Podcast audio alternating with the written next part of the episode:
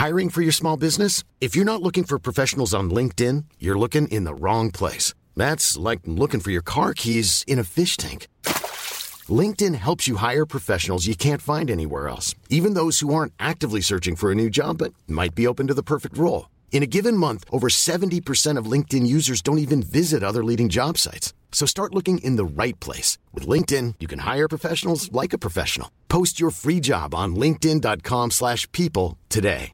Ready to pop the question? The jewelers at BlueNile.com have got sparkle down to a science with beautiful lab-grown diamonds worthy of your most brilliant moments. Their lab-grown diamonds are independently graded and guaranteed identical to natural diamonds, and they're ready to ship to your door. Go to BlueNile.com and use promo code LISTEN to get $50 off your purchase of $500 or more. That's code LISTEN at BlueNile.com for $50 off. BlueNile.com code LISTEN. Hey, it's Ryan Reynolds, and I'm here with Keith, co star of my upcoming film, If, only in theaters, May 17th. Do you want to tell people the big news?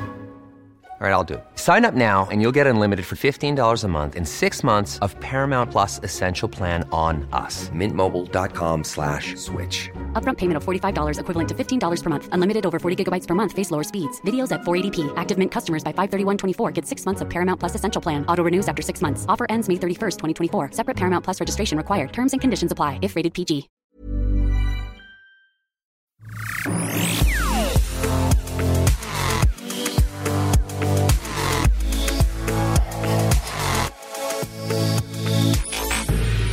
Hej och välkommen till Teknikveckan, Ny Tekniks podd där vi varje fredag berättar om en av veckans tekniknyheter. Jag heter Anna Orring. I det här avsnittet ska vi prata om skogsråvara som blir till drivmedel. Det talas mycket om det länge, men fortfarande är det i väldigt liten omfattning. Vad är det som driver på den här utvecklingen? Vilka är de viktiga aktörerna och hur ska det gå till rent tekniskt? Vilken är den bästa metoden för det här? Med i podden för att svara på frågorna är Ny Tekniks fordonsreporter Johan Kristensson. Hej och välkommen! Hej Anna, tack för det. Vad kör du för bil Johan? En, eh, en ganska gammal Volkswagen Transporter som är eh, egentligen mest en, eh, en campervan. Så att, jag kör inte den till vardags. Så det speglar inte vad du brukar bevaka för ny teknik, det vill säga vätgasfordon, eldrivet och andra nya framtidsdrivmedel? Då? Nej, den är andra änden av skalan kan man säga. Ja, ett starkt doftminne för mig från barndomen är när man följde med till bilmacken och kände lukten av bensin oftast då, men ibland diesel. Det luktar ju väldigt distinkt. Har du sådana barndomsminnen? Mm, självklart. Jag brukade passa på att sticka ut huvudet och dofta på bensinen när mamma eller pappa stannade för att tanka. Det luktade ju konstigt nog väldigt gott. Så att, eh, visst har jag gjort det. Nu ska vi prata om biodrivmedel och eh, främst då gjord av skogsråvara. Och eh, biodrivmedel finns ju i våra pumpar idag på eh, bilmackarna. Om vi tar till exempel HVO 100 som är ett sånt, så är det mycket mindre sån distinkt doft. Det är närmar sig mer luktlöst. Så man kan ju tänka sig att den tekniska utvecklingen också kommer göra att dagens barn får helt andra doftminnen från bensinmackar i den mån de ens följer med dit. Då. Det här för oss in på en liten del av det här ämnet som handlar om reduktionsplikten. Vi ska ta mer om det senare i avsnittet, men bara så att vi har det med oss nu. Hur mycket biodrivmedel är inblandat i det som vi tankar på macken idag och vad är sedan målet för det här? Ja, det skiljer sig ganska mycket mellan, eh, olika, mellan olika typer av drivmedel, hur mycket som är förnybart eh, i det vi tankar. Det är mest för Allra mest är det fordonsgas egentligen kan man säga, alltså, som man använder i, i gasbilar. Där är det nog, jag tror det är nästan 100 procent faktiskt. I, I diesel så är det, alltså man pratar ju egentligen inte om hur många volymprocent som är inblandat utan hur stor reduktionen är. Och för Diesel är reduktionen just nu drygt 30 procent. Det innebär att klimatpåverkan ska minska med 30 procent jämfört med helt fossil diesel. Eftersom även biodrivmedel eh, ger upphov till viss klimatpåverkan så eh, skulle jag gissa att om man ser till volymandelen att den ligger runt kanske 35-40 procent förnybart idag i dieseln. För bensinen är det betydligt mindre, knappt 8% idag eh, i år. Och där är det mestadels etanol man blandar in. För jetbränsle är det bara 0,8% Det här är ju tänkt att det ska öka eh, ständigt då. Vad är själva målet? Alltså det övergripande målet, målet i närtid är ju att utsläppen från det som kallas inrikes transporter eh, ska minska med 70% till 2030. Sen på längre sikt så ska ju Sverige vara, inte ha några utsläpp alls eller vara netto nollutsläppare till 2045. Det är ju lite längre in i framtiden så att fram till 2030 finns det ju en tydligare färdplan för hur det ska, hur det ska gå till. För att klara då kraven i eh, reduktionsplikten, hur mycket biodrivmedel behövs det i Sverige per år? Det beror på hur snabbt elektrifieringen av, av trafiken går kan man säga. Och, eh, eh, den går ju just nu snabbt. De som sitter och räknar på detta på Energimyndigheten till exempel, de har ju behövt att utforma olika scenarier beroende på hur världen utvecklas helt enkelt. En siffra här som, som väl eh, speglar det ganska väl säger någonstans mellan eh, 46 och 51 terawattimmar till 2030 då, för att nå det här målet. Och hur mycket av biodrivmedlen tillverkas i Sverige idag? Eh, inte så mycket. Jag har ingen siffra exakt på tillverkningen men det finns kapacitet att eh, producera omkring 9 terawattimmar biodrivmedel i Sverige idag. Och det används ungefär 20 terawattimmar, så det, så det är mindre än hälften. Och då kan man också säga att totalt använder vägtrafiken, jag tror det var någonstans ungefär 90 terawattimmar eh, per år. Eh, knappt kanske 85-90 någonstans. Så ser det ut. Eh, ämnet för den här, det här avsnittet är ju biodrivmedel från skogen och hur mycket av biodrivmedlet kommer idag från råvaror från skog och lantbruk? Det beror på lite vad man menar med skog och lantbruk. Alltså, från skogen kommer ju råvaran tallolja. Ungefär 12 procent av all HVO, alltså det här eh, förnybara dieseln som, som är väldigt lik fossil diesel och som är det volymmässigt viktigaste biodrivmedlet i Sverige. Eh, 12 procent av, av råvarorna eh, till HVO eh, är eh, tallolja som ju kommer från skogen. Det är en restprodukt från massatillverkning. Och sen har vi ju till exempel raps kommer från lantbruket och eh, raps är den överlägset viktigaste råvaran i det som kallas för FAME rapsdiesel helt enkelt som blandas in i, i det vi tänker på macken. Sen finns det ju också eh, PFAD till exempel som är en restprodukt från eh, palmoljetillverkning som också är en, någon, någon form av skogs eller lantbruksprodukt. Men om man tänker på skogsrester till exempel som ju vi ska prata om idag så är det ju väldigt, väldigt lite som, eh, som används i dagsläget. Vad är det då för råvaror som dominerar i biodrivmedel? Tittar man på HVO som då är den viktigaste drivmedlet, biodrivmedlet så är det slakteriavfall. Eh, det är överlägset viktigast. Eh, 70 procent eh, ungefär av all HVO som tillverkades eller som konsumerades i Sverige år gjordes av slakteriavfall. Tittar man på FAME så är det raps då, som jag nämnde och Eh, etanol så är det majs. Tittar man på biogas så är det lite mer blandat men det är mestadels eh, det är matavfall, gödsel och avloppsslam som är det viktigaste. I Sverige så har ju eh, drivmedelsbolaget Prem en hel del satsningar på gång med drivmedel av skogsråvara. Vad är det som de gör idag och vad vill de göra framöver? De är en del av Sunpine tillsammans med eh, Sveaskog Södra och eh, Lauter som, som omvandlar råtallolja från massaindustrin till, eh, till tallolja och som sen blir eh, drivmedel då i Prims raffinaderier. Eh, och sen har de även ett eh, samriskbolag som heter Pyrocell tillsammans med eh, Cetra där man eh, omvandlar sågspån till, eh, till bioolja i, i Gävle. Och det är en, eh, en ganska tidig satsning som behöver utvecklas mer innan, vi, innan de kommer upp i volym. Och så Då tar vi och ger oss av till Finland och det finska, delvis statliga bolaget Neste. Vad har Neste för roll i, för biodrivmedel i Sverige? Neste har blivit en, en gigant i Sverige kan man säga eh, på biodrivmedelsmarknaden. Det beror väl egentligen på att de, de var väldigt tidiga ute med att utveckla en teknik för att eh, tillverka eh, biodiesel. Den tekniken heter Nex BTL och fyller 25 år i år. De har haft ett gott utgångsläge när Sverige införde reduktionsplikten 2018. Det här behovet av biodrivmedel ökade så stod de helt enkelt i ett gott läge att kunna eh, börja leverera stora volymer. Vad tillverkar Neste för råvaror idag? Ja, först och främst är Neste huvudsakligen ett oljebolag fortfarande så att råolja och naturgas är det viktigaste för eh, deras viktigaste råvaror. Men tittar man på biodrivmedel eh, som nu det här handlar om så är det slakteriavfall, använd matolja, teknisk matolja från etanolproduktion, PFAD, den här biprodukten vid palmoljetillverkning. Fiskfett använder de också.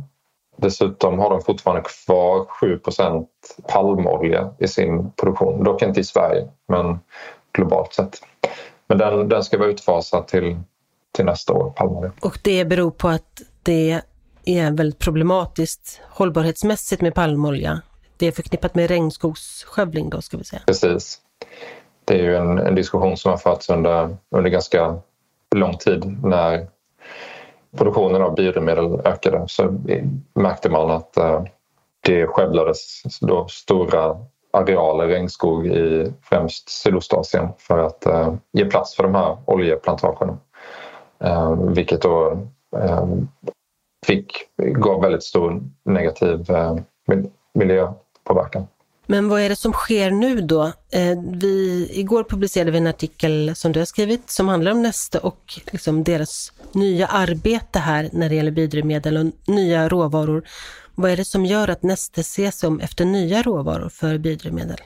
Ja, det beror på lite vem man frågar. Skulle man fråga Neste så skulle de säga att eh, de har alltid varit fokuserade på, eh, på restprodukter. De använder, tror jag, 92 procent det de kallar restprodukter idag i sin tillverkning. Men det är ju så att de här, de här lite enklare råvarorna som Nesta använder sig av till exempel, eh, alltså det är fetter och oljor eh, i princip. De är ganska enkla att eh, omvandla till drivmedel jämfört med, eh, med andra råvaror. Som Paul Börjesson som jag intervjuade, han är professor i eh, miljö och energisystem vid eh, LTH i Lund. Han konstaterar att det finns ju inte hur mycket sådana här enklare råvaror som helst att använda sig av. Så nästa, de behöver helt enkelt för att kunna fortsätta producera biodrivmedel så behöver de eh, helt enkelt eh, utveckla nya tekniker för att dra nytta av andra, andra råvaror. Och vi ser också hur, alltså de har förlitat sig mycket på palmolja tidigare men nu kan de inte göra det längre eftersom det har blivit eh, eh, det, det går inte att använda det eh, med och fortfarande hävda att du tillverkar ett miljövänligt förnybart eh, bränsle. Så att eh, på så vis så tvingas Neste och de andra bolagen att söka sig om efter mer, mer hållbara råvaror. Det handlar ju ofta om att det inte får stå i konflikt med matproduktion. Mm. Det är det som är nyckeln i detta kan man säga. Vilken metod ska då Neste använda sig av för att tillverka det här biodrivmedlet av skogsråvara och skogsrester? Ja, det är ju den stora frågan då som jag var väldigt nyfiken på. Men eh, det ville de inte säga i nuläget utan de hoppades kunna berätta mer om det till hösten. Jag frågade om, eh, jag fortsatte ställa frågor och fick till slut ett svar som, som sa att det inte var ett alldeles sprillans ny teknik utan ett, ungefär ett nytt sätt att använda en beprövad eh, teknik på. eller något sånt. Jag ställde också frågan om det var Fischer-Tropsch till exempel eh, men fick svaret att det att det inte var det. Men sen, sen blev det stopp efter det. Och Fischer-Tropsch, det är alltså en process för att, om du ska förklara kort? Det är en process för att eh, omvandla syntesgas eh, från förgasning eh, av till exempel skogsråvara. Att omvandla den gasen till eh, en, en sorts bioolja som man sen kan göra drivmedel av. Du har ju tittat på tre olika metoder och jämfört dem lite grann. Vilka är de andra två? Det finns ju fler också ska man säga, men det var de här tre vi fokuserade på nu. Det var då förgasning med Fischer-Tropsch eh, och sen så är det pyrolys som ju, ja, man kan egentligen säga att det är på samma sätt som man gör grillkol egentligen. Man hettar upp någonting i en väldigt syrefattig miljö och då omvandlas, eh, omvandlas materialen så att man kan dra nytta av dem. Och sen också på en fortfarande ganska oprövad metod som kallas för eh, hydrotermisk förvätskning, förkortas HTL, som väl är kanske den mest lovande av dem, i alla fall enligt, enligt Paul Börjesson, professorn på LTH för att omvandla just, då är det ju lignocellulosa vi pratar om. Eh, alltså skogs eh, eller lantbruksrester. Sånt som växer eller har växt. Vilken av de här metoderna ger mest energi? Alltså vilken är bäst på det sättet? Den hydrotermiska förvätskningen har enligt Paul Bergsons och hans kollegors forskning bäst potential. Eh, man får högst utbyte från den. Och, ehm, eller mycket på grund av att eh, man får en, en mellanprodukt, den här biooljan då, eh, som inte har ett så högt syreinnehåll. För med mycket syre i, man, man vill få bort syret för att göra drivmedel. För att göra det så behöver man använda en massa, en massa vätgas. Då förlorar man liksom eh, en massa energi om man behöver stoppa in en massa vätgas i processen för att få bort syret. Så att eh, det är en fördel att eh, få fram en, produkt, en, en mellanprodukt som har lågt syreinnehåll och det är det som HTL-processen är ganska bra på. Okej, så men än så länge då vill de inte riktigt säga vilken av de här metoderna de kommer att satsa på? Nej, de var hemlighetsfulla där.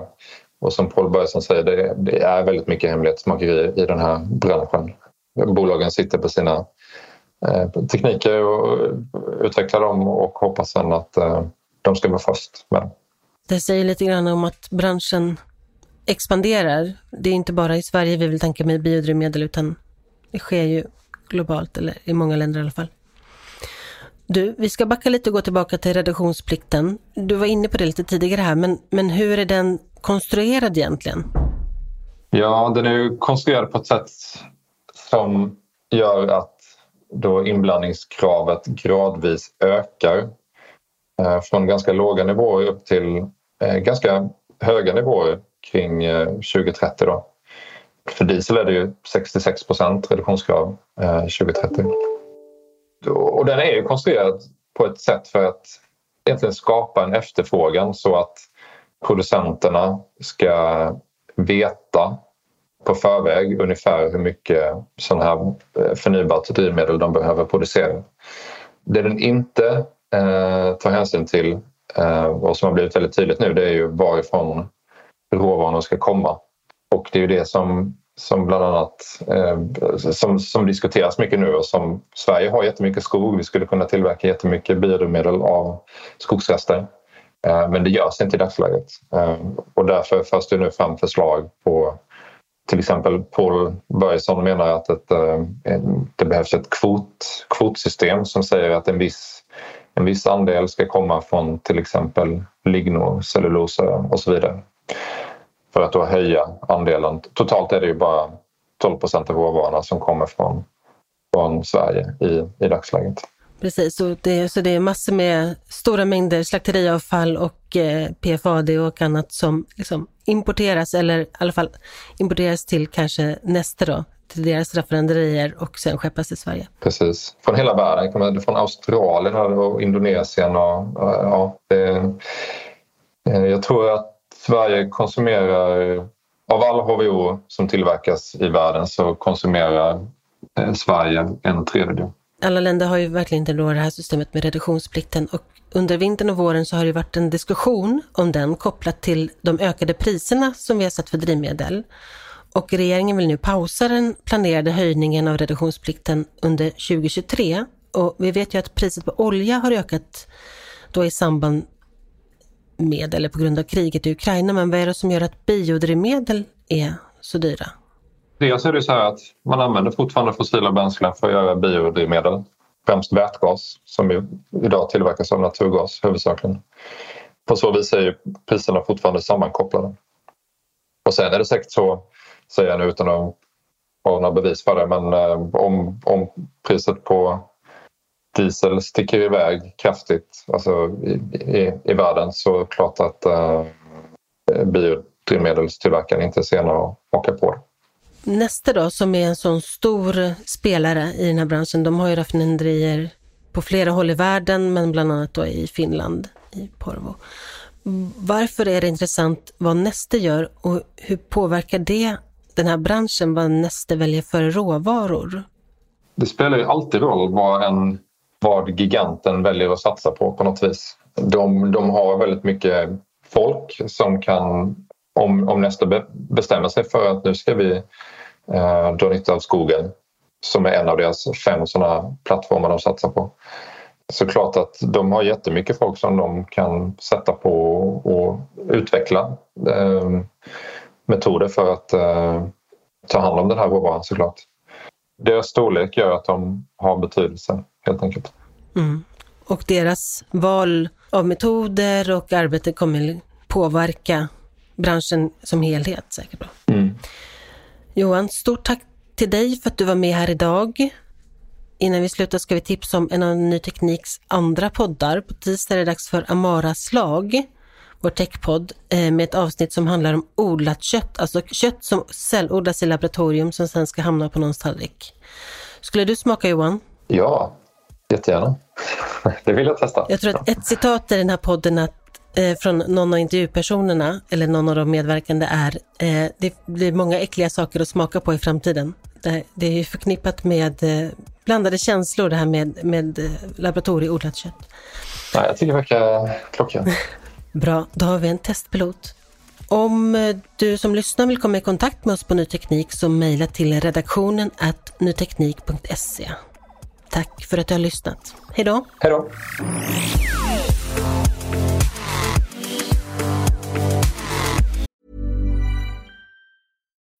When you need mealtime inspiration, it's worth shopping Kroger, where you'll find over 30,000 mouthwatering choices that excite your inner foodie. And no matter what tasty choice you make, you'll enjoy our everyday low prices, plus extra ways to save, like digital coupons worth over $600 each week. You can also save up to $1 off per gallon at the pump with fuel points. More savings and more inspiring flavors make shopping Kroger worth it every time. Kroger, fresh for everyone. Fuel restrictions apply.